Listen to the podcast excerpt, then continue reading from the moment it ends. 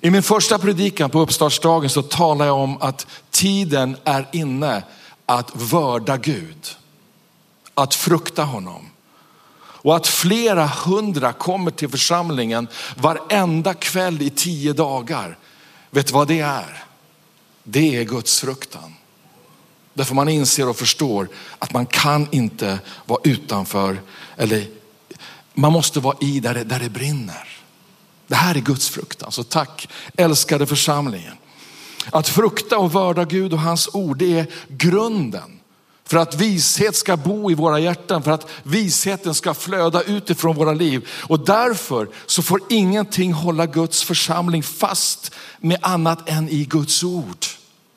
Ordet måste vara det vi är, är, är förankrade i, oavsett vad det är för slags vindar och oavsett vad som händer i vårt samhälle. Gud kommer aldrig någonsin att förändra sitt ord eller anpassa det efter vad människor önskar och tänker. Det står i psalm 119 89 att hans ord står för evigt fast i himlen. Det kommer aldrig förändras. Hur man än försöker, om man, ska, om man kanske till och med som det finns faktiskt, det finns, en, det finns en motion eller en proposition om att man vid nästa statsstödda eh, eh, bibelöversättning ska ta bort valda bibelord ur Bibeln för att det inte ska vara stötande. Vet du, oavsett vad som än händer så kommer ordet aldrig att förändras. Hur mycket man plockar bort så kommer Gud att förankra det ännu starkare. Amen. Så det jag vill tala om idag, det är att jag vill tala om att det är dags för Guds folk att göra tre viktiga saker. Och jag ska ta dig in i ett bibelsammanhang i Hagai kapitel 1. Om du märker att jag, jag kan bara säga så, jag, jag, jag, säger det på en gång. Jag har lite svårt att prata ibland. Jag har, min, min protes har lossnat i mitt ben, mitt knä. Så jag har en morfinpump på ryggen för att jag inte ska ha ont. Så jag är lite dimmig. Men jag ser dina ansikten. Så var inte orolig, men det kan vara så att jag snubblar lite på orden, så du får överseende med det. Jag säger det så att du vet om det. Men vi läser från Haggais bok, kapitel 1, vers 1-14.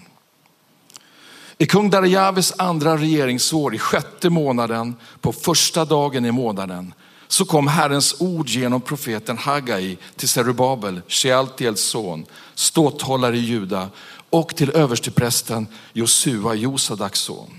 Han sa, så säger Herren Sebot, detta folk säger, tiden har inte kommit än, tiden att bygga upp Herrens hus. Och Herrens ord kom genom profeten Hagai. Han sa, är det då tid för er att själva bo i panelklädda hus medan detta hus ligger i ruiner? Så säger nu Herren Sebot, lägg märke till hur det går för er. Ni sår mycket, men ni skördar lite. Ni äter, men ni blir inte mätta. Ni dricker, men ni blir inte glada. Ni klär er, men blir inte varma. Och den som får lön har hål i börsen. Så säger Herren Sebot, lägg märke till hur det går för er. Gå upp till bergen, hämta virke och bygga upp mitt hus så ska jag glädja mig över det och visa min härlighet, säger Herren. Ni väntade er mycket, men se det blev lite. Och när ni förde hem det så blåste jag bort det. Varför, säger Herren Sebaot. Jo, för att i mitt hus, för att mitt hus ligger i ruiner, medan ni alla har brott med era egna hus. Därför har himlen över er hållit tillbaka sin dagg och jorden har hållit tillbaka sin gröda.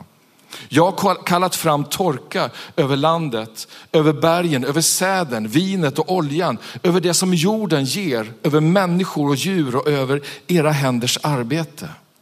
Serubabel, Shealtiels son, översteprästen, Josua, Josadaks son och alla de som var kvar av folket lyssnade till sin, herre, till sin Guds röst och till profeten Haggais ord eftersom Herren, deras Gud, hade sänt honom och folket fruktade Herren. Då sa Hagai, Herrens sändebud, genom ett budskap från Herren till folket. Jag är med er, säger Herren. Och Herren väckte en iver hos Zerubabel, Shealtiels son, ståthållare i Juda, hos översteprästen Josua, Josadaks son och hos alla de som var kvar av folket så att de började arbeta på Herrens hus, på Herrens Sebaots, sin Guds hus. Amen.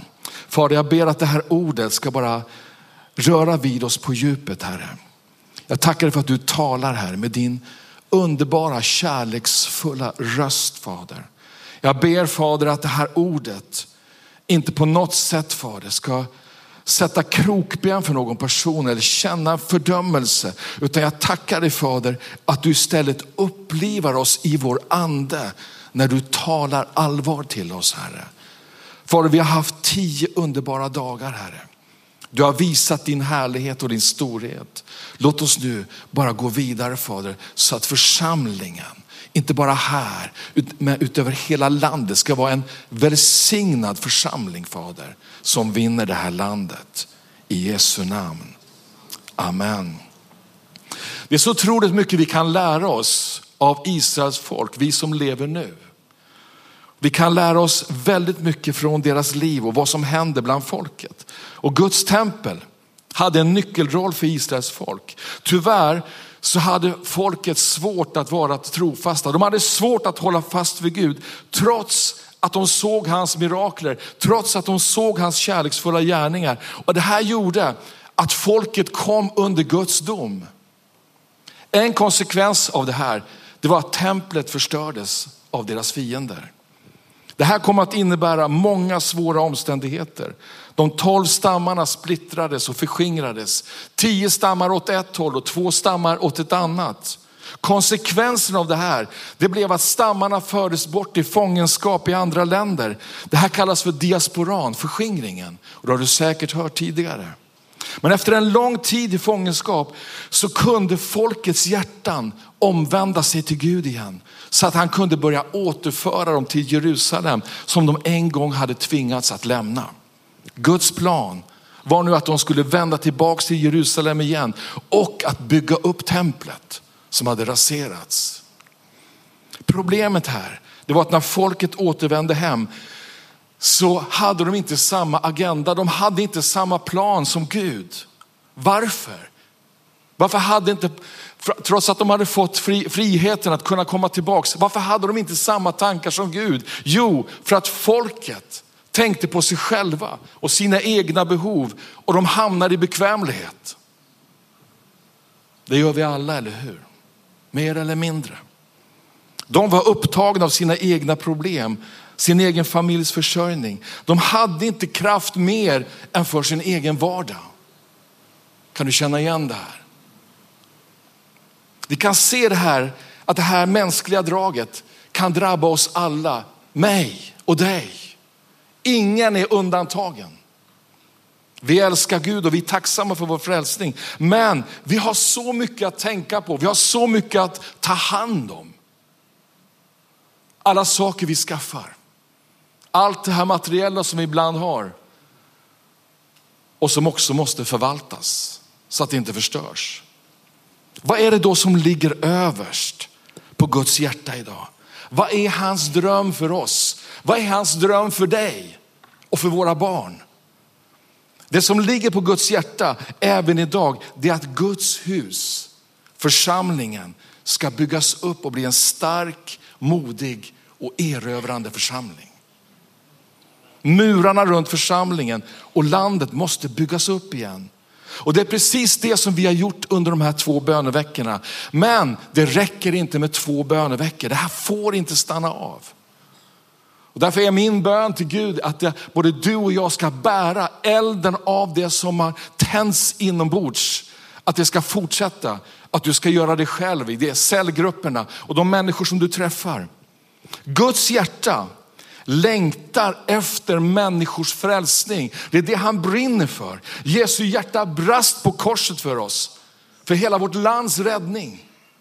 Det är därför som han har gett oss missionsbefallningen. Den är inte en attack på ditt liv, det är en gåva från Gud. Därför det är det han brinner för. Priset är betalt, segern är vunnen för varenda människas, för, för varje själs frälsning. Grejen är bara det att det är så många som inte ens vet om att det existerar en frälsning för dem. Ingen har berättat det för dem. Vi måste därför be att vi som Guds församling i Sverige får uppleva en väckelse där vi vaknar och förstår vad Gud har kallat oss till. Gud tror på dig. Han tror på var och en av er. Bristen på andlig vakenhet bland Guds folk är orsaken till att många länder i Europa upplever en andlig kris. Och det är också orsaken till att många det är orsaken till många av de här utmaningarna som vi upplever i Sverige idag. Alla skjutningar, alla döda ungdomar, all kriminalitet. Det kommer på grund av en sak, andlig kris i landet. Murarna i nationen är nedbrutna för att vi som Guds folk inte har rest oss från vår bekvämlighet. Vår agenda är en annan agenda än Guds. Det är det här som gör att vår bön inte får tystna utan vi måste fortsätta att be. Du kan inte förvänta dig att alla våra folkvalda om några dagar ska rätta upp allting. Det vi ser idag, det är massa löften som ges för att man ska kunna behålla både makten eller ta makten. Men jag säger det, det finns bara en, ett enda löfte som håller och det är de löften som står i Guds ord. De kommer hålla hela vägen. Men vad gjorde Gud då för att väcka sitt folk på Bibelns tid? Jo, han sände en profet att tala till folket så att de skulle vakna upp och förstå sitt syfte. Profeten var tvungen att frambära en stark förmaning till Guds folk. Gud behöver också idag resa upp profeter och församlingar i Sverige med en profetisk ande och en smörjelse för landet. Och jag bara ber att den profetiska rösten ska vara tydlig i vår egen församling. Jag känner en gudsfruktan i mitt hjärta för den tjänst som Gud har lagt på den här församlingen. Vi måste höra Guds röst så att vi kan vara vakna och ledas av hans ande. Och Gud har väckt din röst under de här, Väck ditt öra under de här tio dagarna då vi har bett. Jag tror att Gud har gjort ett mirakel på insidan av dig så att du har väckts till liv och inser hur allvarlig den här tiden är. Eller hur? Gud måste få tala till sitt folk i den här tiden också. Församlingen, det är vi, det är du. Församling är hans kropp på jorden och Gud måste väcka oss som lever idag precis på samma sätt som han väckte Guds folk under Bibelns tid. Han måste väcka oss som församling så att vi går med budskapet till ett land som har tappat sin syn. Och när jag säger det så tänker jag på aposteln Paulus som har skrivit största delen av nya testamentet. Tänk om du kan det här avsnittet. Så tänk om Ananias inte hade lyssnat på Guds tilltal och gått och lagt sina händer på Saulus, som han hette vid den tidpunkten, som satt helt blind i ett hus. Han kunde inte se. Ananias vågade gå. Han vågade tala ut ett profetiskt ord och förlösa ett mirakel över Paulus så han kunde få sin syn. Det är det miraklet du och jag måste profetera ut över det här landet. Att det här landet måste få sin syn. Amen. För tack vare att Ananias vågade gå, det enda han hörde det var ryktena om Paulus. Han hörde vad han hade gjort. Han hörde att han hade förföljt Guds folk. Det var det enda han hörde. Ändå vågade han gå på det ordet som Gud gav honom. Och på grund av att han vågade så kunde Paulus komma ut i en våldsam tjänst för Gud. Och han, jag menar, han välsignar ju ditt, ditt och mitt liv varenda dag när vi läser Guds ord. Tänk vad som kan hända när församlingen, då pratar jag om hela Sverige, när Guds folk i det här landet vågar gå ut, precis som Ananias, och bara tända människors hjärtan och låta dem få synen tillbaks. Då kommer vi få uppleva saker som vi aldrig någonsin har upplevt tidigare. när jag har sett alla som har kommit hit varenda kväll i två veckor och bett och ropat till Gud så har jag fått tro för mitt land. Jag tror du har fått det också. Och när jag har sett hur wow-församlingarna, hört hur wow-församlingarna bett, så fylls mitt hjärta så otrolig glädje. Tänk att vi har fått så ut fem församlingar, fyra i Sverige, en i Spanien och nu har vi åtta stycken kvar i de stiften som är kvar. Och vet du, det är det enda som bara brinner i mitt hjärta hela tiden. Och mina medarbetare påminner mig hela tiden, pastor Lennart, du har vi inte släppt det här? Vi ska väl inte ha åtta till? Och det ska vi. Att höra hur, wow, för, amen. Att, tack Jesus. Det är Guds nåd alltihopa. Allt är Guds nåd. Och vi ska, vi ska det, det, låter säkert hemskt när någon lyssnar på den här i efterhand där vi ska erövra Sverige. Det låter ungefär som att vi har, bygger upp någon slags krigsmakt. På något sätt ska inta liksom och eh, eh, fånga varenda person i det här landet. Nej, det är inte vi som gör det. Det är Guds ande som fångar människors hjärtan och kommer med frihet. Inte fångenskap. Men vet du, allt börjar med oss. Allt börjar med vår omvändelse. Allt börjar med vår bön till Gud. Och vad viktig omvändelsen är. Israels folk de hade fallit in i en ljummen bekvämlighet och Gud beskydda oss från det. Därför så talade Gud till folket genom profeten och sa att de alltid levde i brist. Hur mycket de än arbetade och slet för sitt uppehälle. Därför att de prioriterade fel. De hade inte tagit kallelsen på allvar att leva i Guds syfte och bygga upp Guds hus först. Och därför så misslyckades de med allt annat. Det här kanske ger svar på en del av de frågorna du har. Ja, men jag är ju trofast i det här och det här och det här. Men det kanske saknas rätt prioriteringar. Men då talar de med varandra, folket, och sa att de orkar inte mer. De tyckte inte de hade tid. Men det underbara med vår älskade far i himlen, det är att han aldrig förmanar sina barn och sen lämnar han dem åt sitt öde. Han gör aldrig så. Gud hade lösningen på deras problem och det har han också för de problem som vi lever i i Sverige idag. Gud har inte lämnat oss. Han hör oss trots våra brister. Och när vi omvänder oss så ger vi kraften och styrkan för Gud att använda våra liv för en förändring i det här landet. Låt oss därför se vad Gud säger så att också vi kan lära oss och bli uppmuntrade av Guds svar till Israels folk. Han säger så här i Haggai 1.8. Gå upp till bergen, hämta virke, bygg upp mitt hus så ska jag glädja mig över det och visa min härlighet, säger Herren. Här är de här tre sakerna som jag nämnde. Det tog en stund innan jag kom fram till det. Gå upp till bergen. Hämta trävirke, bygg upp mitt hus. Det här är tre viktiga faktorer för att vårt älskade land ska upprättas. Tre himmelska nycklar för vår nations räddning. Låt oss se lite kort på innebörden av var och en av dem. Att gå upp till bergen, vad betyder det i praktiken? Och vem får gå upp på Herrens berg? Och vi läser psalm 24, vers 3 6 så står det, vem får gå upp på Herrens berg? Vem får komma in i hans helgedom? Den som har oskyldiga händer och rent hjärta, som inte vänder sin själ till lögn och inte svär falskt. Han får välsignelse från Herren och rättfärdighet från sin frälsningsgud. Sådant är släktet som frågar efter honom. De som söker ditt ansikte är Jakobs barn.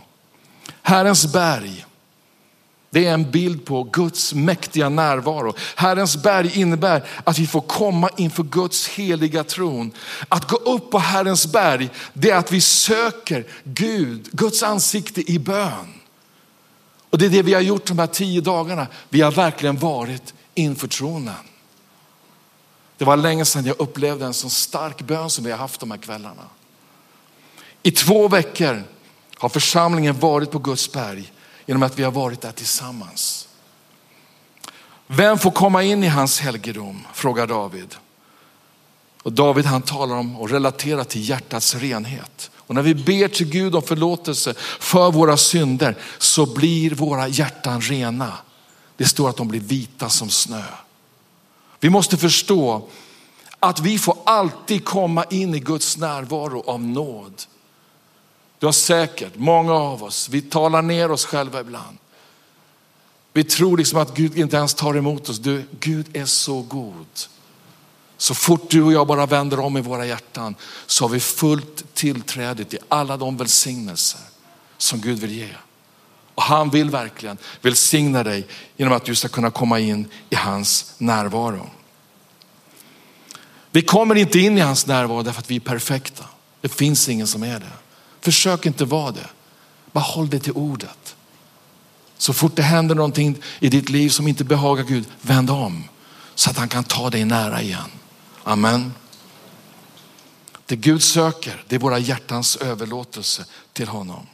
En person som hade en desperat längtan efter Gud i sitt hjärta, det var Jakob när han brottades med ängeln i Jabboksvad. Jakob visste att hans bror Esau var på väg och att det kunde innebära slutet för honom. Hans ungdomsmisstag hade nu hunnit ifatt honom och han insåg att han var tvungen att förändras på djupet. Han hade ljugit, han hade bedragit. Han hade gjort så mycket i sitt liv. Han hade bedragit sin bror så att han hade förlorat hela förstfödslorätten. Ni kan ju tänka er, hela arvet. Det fanns mycket av hämnd där. Men i den här bönen för sitt liv så brottades han med en ängel en natt och ängeln ville släppa honom men Jakob vägrade och det står i första Mosebok 32. Släpp mig säger ängeln för gryningen är här. Men Jakob svarade, jag släpper dig inte förrän du välsignar mig. Och då sa han till honom, vad är ditt namn? Han svarade Jakob. Han sa, du ska inte längre heta Jakob utan Israel, för du har kämpat med Gud och med människor och segrat. Det här är när vi som församling, när vi, det här är precis som när, när vi verkligen börjar be på rätt sätt. Och när vi börjar be på samma sätt som, som Jakob och är totalt överlåtna i våra hjärtan, det är då vi kommer bryta igenom. Det är då vi kommer överskrida det naturliga, och kliva in i det övernaturliga. När vi bara vet att vi måste vända om. Det finns ingen väg tillbaks. Vi går liksom utanför det logiska tänkandet. Vi går in i Guds rike när vi släpper allt det mänskliga. Guds rike är platsen där vi får ta del av de välsignelser som han har förberett genom sitt blod. Du och jag måste ha den här desperationen som Jakob hade. Att vi släpper inte Gud förrän han välsignar oss. Amen. Det är det här Guds folk måste gå igenom för att vi ska se en förändring.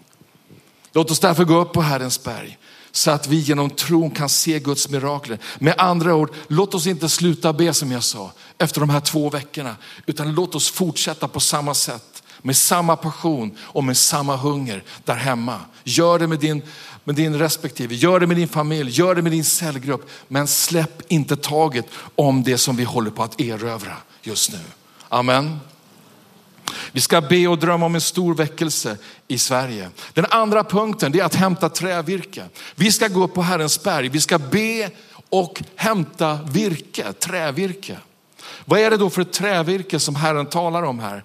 Vad är det som krävs för att vi ska kunna bygga upp den här raserade muren kring församlingen och kring vårt land? Vad tänkte Gud göra med träd? Tänkte han bygga en, en, ett stort staket av trä eller vad hade han tänkt? Nej, absolut inte.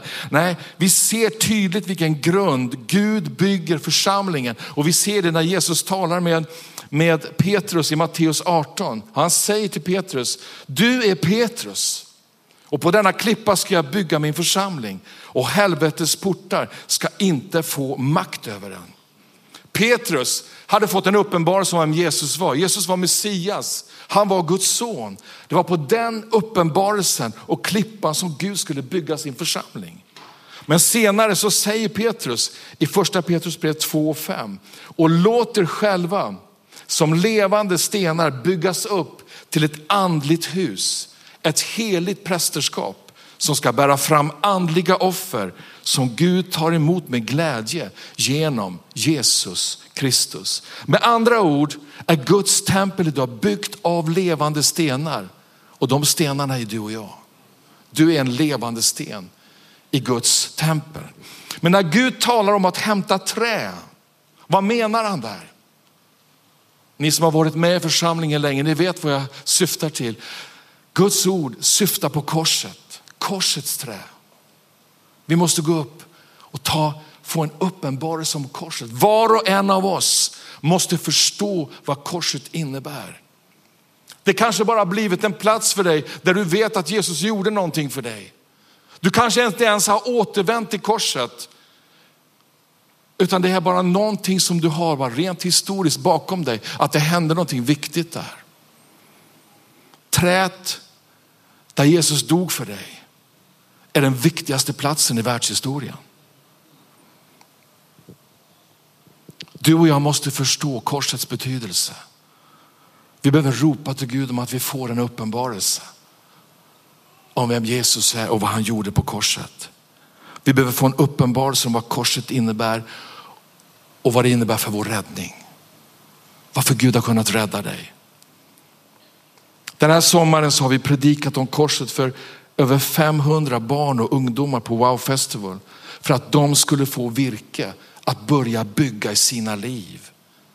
Guds församling och murarna runt vår församling och landet, det är Jesu kors.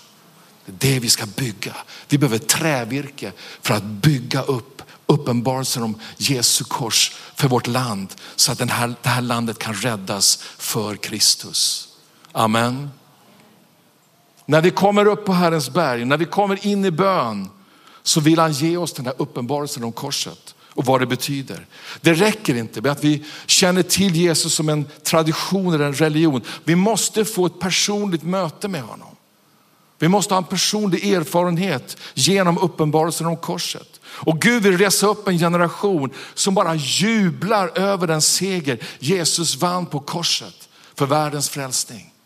Jag ser en generation som Gud bygger upp i vår församling. Det är en generation som älskar korset. Som vet kraften utifrån korset. Som använder frimodigt korset när de är ute och vittnar för andra människor.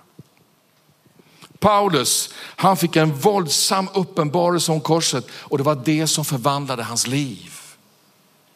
Han som hade studerat skrifterna från tidig barndom och berömt sig av lagen, han blev totalt förvandlad när han fick möta frälsningen genom nåd, genom tro. Hans liv förändrades. Han beskriver i Galaterbrevet 2 hur han ser på sig själv och hur vi alla ska se på oss själva när vi blir frälsta. Det står i Galaterbrevet 2.19. Jag har genom lagen dött bort från lagen för att leva för Gud. Jag är korsfäst med Kristus och nu lever inte längre jag utan Kristus lever i mig. Och det liv jag nu lever i min kropp, det lever jag i tron på Guds son som har älskat mig och utgett sig för mig. Budskapet om korset är kraften, har kraften att förvandla en hel nation. Vi måste bara inse och förstå det. Du måste förstå att det är den kraften som kan förvandla Sverige. Romarbrevet 1 och 16, där säger Paulus, jag skäms inte för evangeliet. För det är en Guds kraft till frälsning för var och en som tror, juden först men också greken. När vi förstår budskapet om korset, då förvandlar det våra liv. Låt oss därför be att alla får en djupare förståelse av Jesus seger på korset och att Gud får leda våra steg till människor som inte har hört evangeliet och ge dem korsets budskap. De kan finnas, de kan sitta bredvid dig på bussen eller tunnelbanan när du åker hem. De kan vara de personerna du möter när du går in och handlar i den butiken där du handlar mat. De personerna kan vara mycket närmare än du tror. Det kan vara din granne som du har hälsat på så många gånger men du har aldrig tagit det avgörande steget. När du presenterar korset så garanterar jag att det finns människor som du inte ens hade en aning om som bara står och väntar på att få se meningen med sitt eget liv. Börja visualisera hur du får se människor komma till Gud genom ditt liv. Så låt oss hämta det virke vi behöver för att göra den sista punkten. Och vad är det? Jo, bygga upp Herrens hus. Amen. Orkar du lite till? Jag är snart klar. Paulus säger till församlingen i Efesus, ni är uppbyggda på apostlarnas och profeternas grund där hörnstenen är Kristus Jesus själv. Om vi tittar på församlingens utveckling under apostlarnas tid. Och om vi tittar på de som kom, efter dem och som var deras lärjungar så märker vi att församlingen, de var brinnande i anden under den här epoken. De bad tillsammans, de var tillsammans i hemmen. De var varje dag tillsammans i hemmen och hade en underbar gemenskap. De åt tillsammans, de firade nattvard tillsammans. De undervisade varandra i ordet och de såg hur Gud gjorde mirakler mitt ibland dem. Det här gjorde att de byggde upp varandra. De byggde upp Guds hus. Förstår du vad viktigt det är med våra celler? Att de är levande. För cellerna gör att vi bygger Guds hus. Många av de här personerna under den här tiden. De visste att de kunde slitas i stycken av lejonen på Cirkus i Rom. Och många dog som martyrer. Men det hindrade inte församlingen från att predika evangelium. Istället så brann deras hjärtan av en passion och en kärlek till Jesus och människor. Så de brydde sig inte om de till och med skulle förlora sina egna liv. Men när åren gick så började även den här församlingen att anpassa sig och de hamnade i bekvämlighet till och med den första församlingen. Och det var då Jesus var tvungen att förmana dem. Och vi läser om det här i Uppenbarelseboken kapitel 2, vers 4. Det här kanske du har läst många gånger. Du har tänkt så här, men hur kunde det här hända? Då ska du veta, det jag läser nu, det skedde ungefär tio år efter så att säga, den första församlingen instiftades. Och det står så här, Jesus säger, men en sak har jag emot dig och det är att du har övergett din första kärlek. Kom därför ihåg varifrån du har fallit och vänd om och gör dina första gärningar. Annars, om du inte vänder om, så kommer jag till dig och flyttar din ljusstake från dess plats. Ett allvarligt budskap. Det är så att när man tappar sin första kärlek till Jesus så krävs det en genomgripande och äkta omvändelse för att man ska kunna återfå den igen. Kanske finns du här idag, du har tappat den här första kärleken. Du älskar Jesus, men det är inte så liksom att han är nummer ett i ditt liv. Det är första varningssignalen. Vet du, det här är precis det som de två böneveckorna har handlat om. Vi har insett att vi alla måste omvända oss till Gud för att vårt land ska se en förändring. Vi måste tillbaks till den första kärleken. Vi måste börja älska Jesus på allvar igen. Låt oss be att våra hjärtan förblir ödmjuka, förkrossade, känsliga för den heliga ande. Låt oss be att vi kan stå upp och bygga upp Herrens hus här i Stockholm och i alla våra locations. Här i Sverige och i Spanien. Låt oss be att Göteborg, Malmö, Gijon, Visby, Södertälje. Varje plats där vi har planterat ska få uppleva det här på nytt. Att vi ska få bygga församlingen starkt och att vi ska leva i den första kärleken. Amen. Vi ska förbli trofasta i alla förhållanden. Allt som Gud kallar oss till att göra kommer att möta motstånd. Du måste vara säker på det. Du måste bara inse det. Det kommer vara utmaningar och prövningar på vägen. Men låt oss bestämma oss i våra hjärtan tillsammans att vi ska inte ge upp. Vi ska hålla fast. Låt oss vara trofasta i att bygga upp Herrens hus. Jesus är vårt exempel när det gäller trofasthet och det är hans fotspår vi ska gå i. Och det står i Filipperbrevet 2.6. Han var till i Guds gestalt men räknade inte jämlikheten med Gud som segerbyte, utan utgav sig själv och tog en tjänares gestalt och blev människan lik. När han till det yttre hade blivit som en människa så ödmjukade han sig och blev lydig ända till döden, till döden på korset. Därför har Gud också upphöjt honom över allting och gett honom namnet över alla andra namn. För att i Jesu namn alla knän ska böjas i himlen och på jorden och under jorden och alla tungor bekänna att Jesus Kristus är Herren, Gud, Fadern till ära. Jesus var trofast sin fader ända in i döden på korset. Han vek aldrig av från sin faders sida. Låt oss den här söndagen fatta samma beslut att gå i Jesu fotspår. När du och jag lever i den första kärleken till Gud, till Jesus, så är det här inte ett problem. När vi älskar honom och vi har lagt våra liv i hans händer, då vet vi att han kommer vaka över oss. Han kommer beskydda oss. Han kommer att ge oss tro för varje steg vi ska ta oavsett vad det är som möter oss. När Israels folk hade lyssnat till det profetiska ordet i Haggais bok, då skedde någonting underbart. Jag läser igen från Haggais bok. Då sa Hagai, Herrens sändebud, genom ett budskap från Herren till folket. Jag är med er, säger Herren. Och Herren väckte en iver och Zerubabel, Shealtiels son, ståthållare i Juda, hos översteprästen Josua, Josadaks son och hos alla de som var kvar av folket så att de började arbeta på Herren Sebaot, sin Guds hus. Alltså det kom en sån iver. Det kom en sån glädje över Guds folk. Guds ande kom över hela församlingen och de reste sig och började bygga upp muren i tro på Guds löften. Guds ord berörde deras hjärtan. Och sen talar Gud igen efter detta. Så säger han så här i Hagai 2.9. Mitt i silvret, mitt i guldet säger Herren Sebot. Och den kommande härligheten hos detta hus ska bli större än den förra säger Herren. Och på denna plats ska jag ge frid, säger Herren Sebaot. Amen. Vilket underbart löfte. Och den här söndagen så kan du och jag fatta ett heligt beslut. Idag kan vi deklarera att den här hösten, då ska vi upp på berget. Vi ska upp på berget tillsammans och söka Gud. Den här hösten ska vi leva våra liv genom korset. Varje dag ska vi gå genom korset. Den här hösten ska vi resa oss och bygga upp det här huset.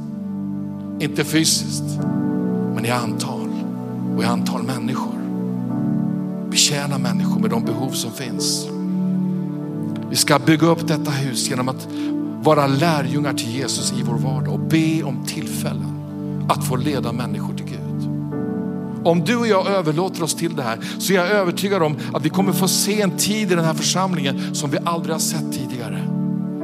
Vi kommer eh, behöva utöka våra gudstjänster. Vi kommer ha wow-grupper över hela stan och över hela vårt land. Vi kommer se mirakler i vår vardag och ryktet om Jesus kommer gå ut.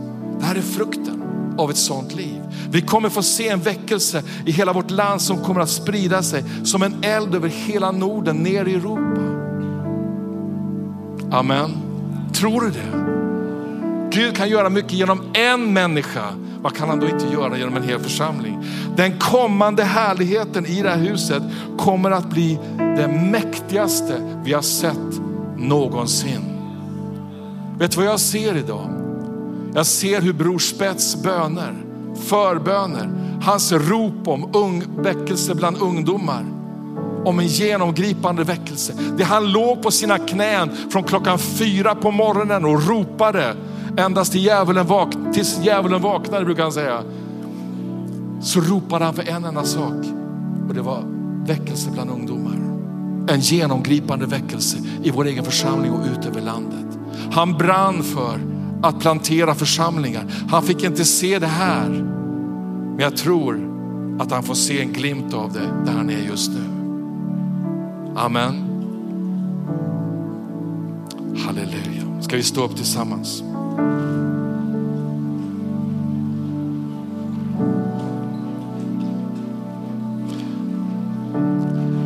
Jag tror att härligheten över den här församlingen, vi har ett ansvar för den här familjen. Det här är en lokal familj.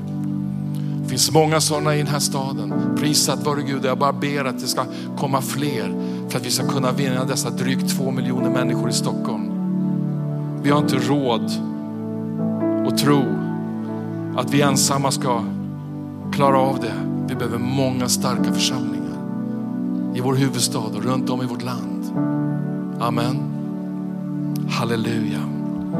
Fader, vi bara prisar dig. Herre, vi tackar dig Herre för att din nåd vilar över församlingen. Din kraft vilar över församlingen. Jag tackar dig Fader för att du kommer med din kärlek och bara vidrör varje hjärta. Tack att du kommer inte med fördömelse Herre, Tack att du knackar inte på vår hjärtas dörr och säger hur dåliga vi är.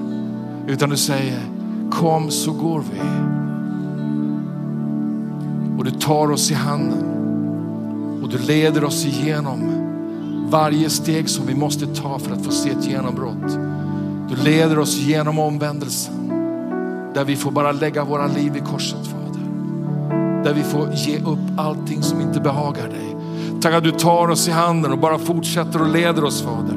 Jag tackar dig älskade Far för att du tittar inte på oss om vi är perfekta Fader, om vi har gjort allting rätt. Om vi har sagt allting rätt Fader. Om vi har startat celler, om vi har gjort hela Life Class och Destiny Training. Du tittar inte på det Fader, du tittar på våra hjärtan Fader. Och säg, är du villig att förändras? Så jag är villig att förändra dig. Och jag bara ber Fader för hela vår församling Fader. Jag ber för våra hjärtan Herre. Att vi ska leva i den första kärleken Fader. Och att vi ska vara noggranna Fader. Hur vi lever våra liv. Och att vi lever i omvändelsens kraft Fader så att du kan ta oss ut Fader på en helt ny väg. En väg som vi aldrig har gått på tidigare Fader. Så att vi ska få se människors frälsning. Vi får se människor bli frälsta i den här staden Fader.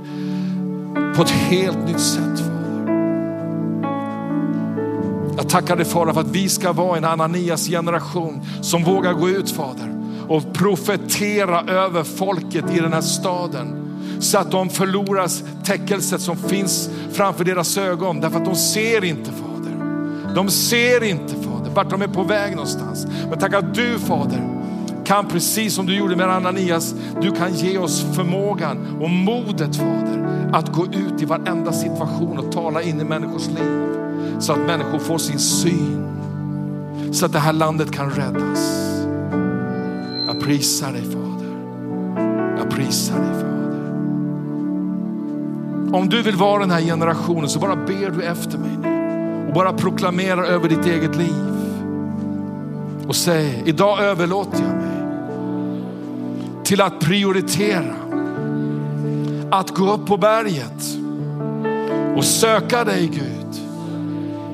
Idag överlåter jag mig att leva i tacksamhet för Jesus seger på korset.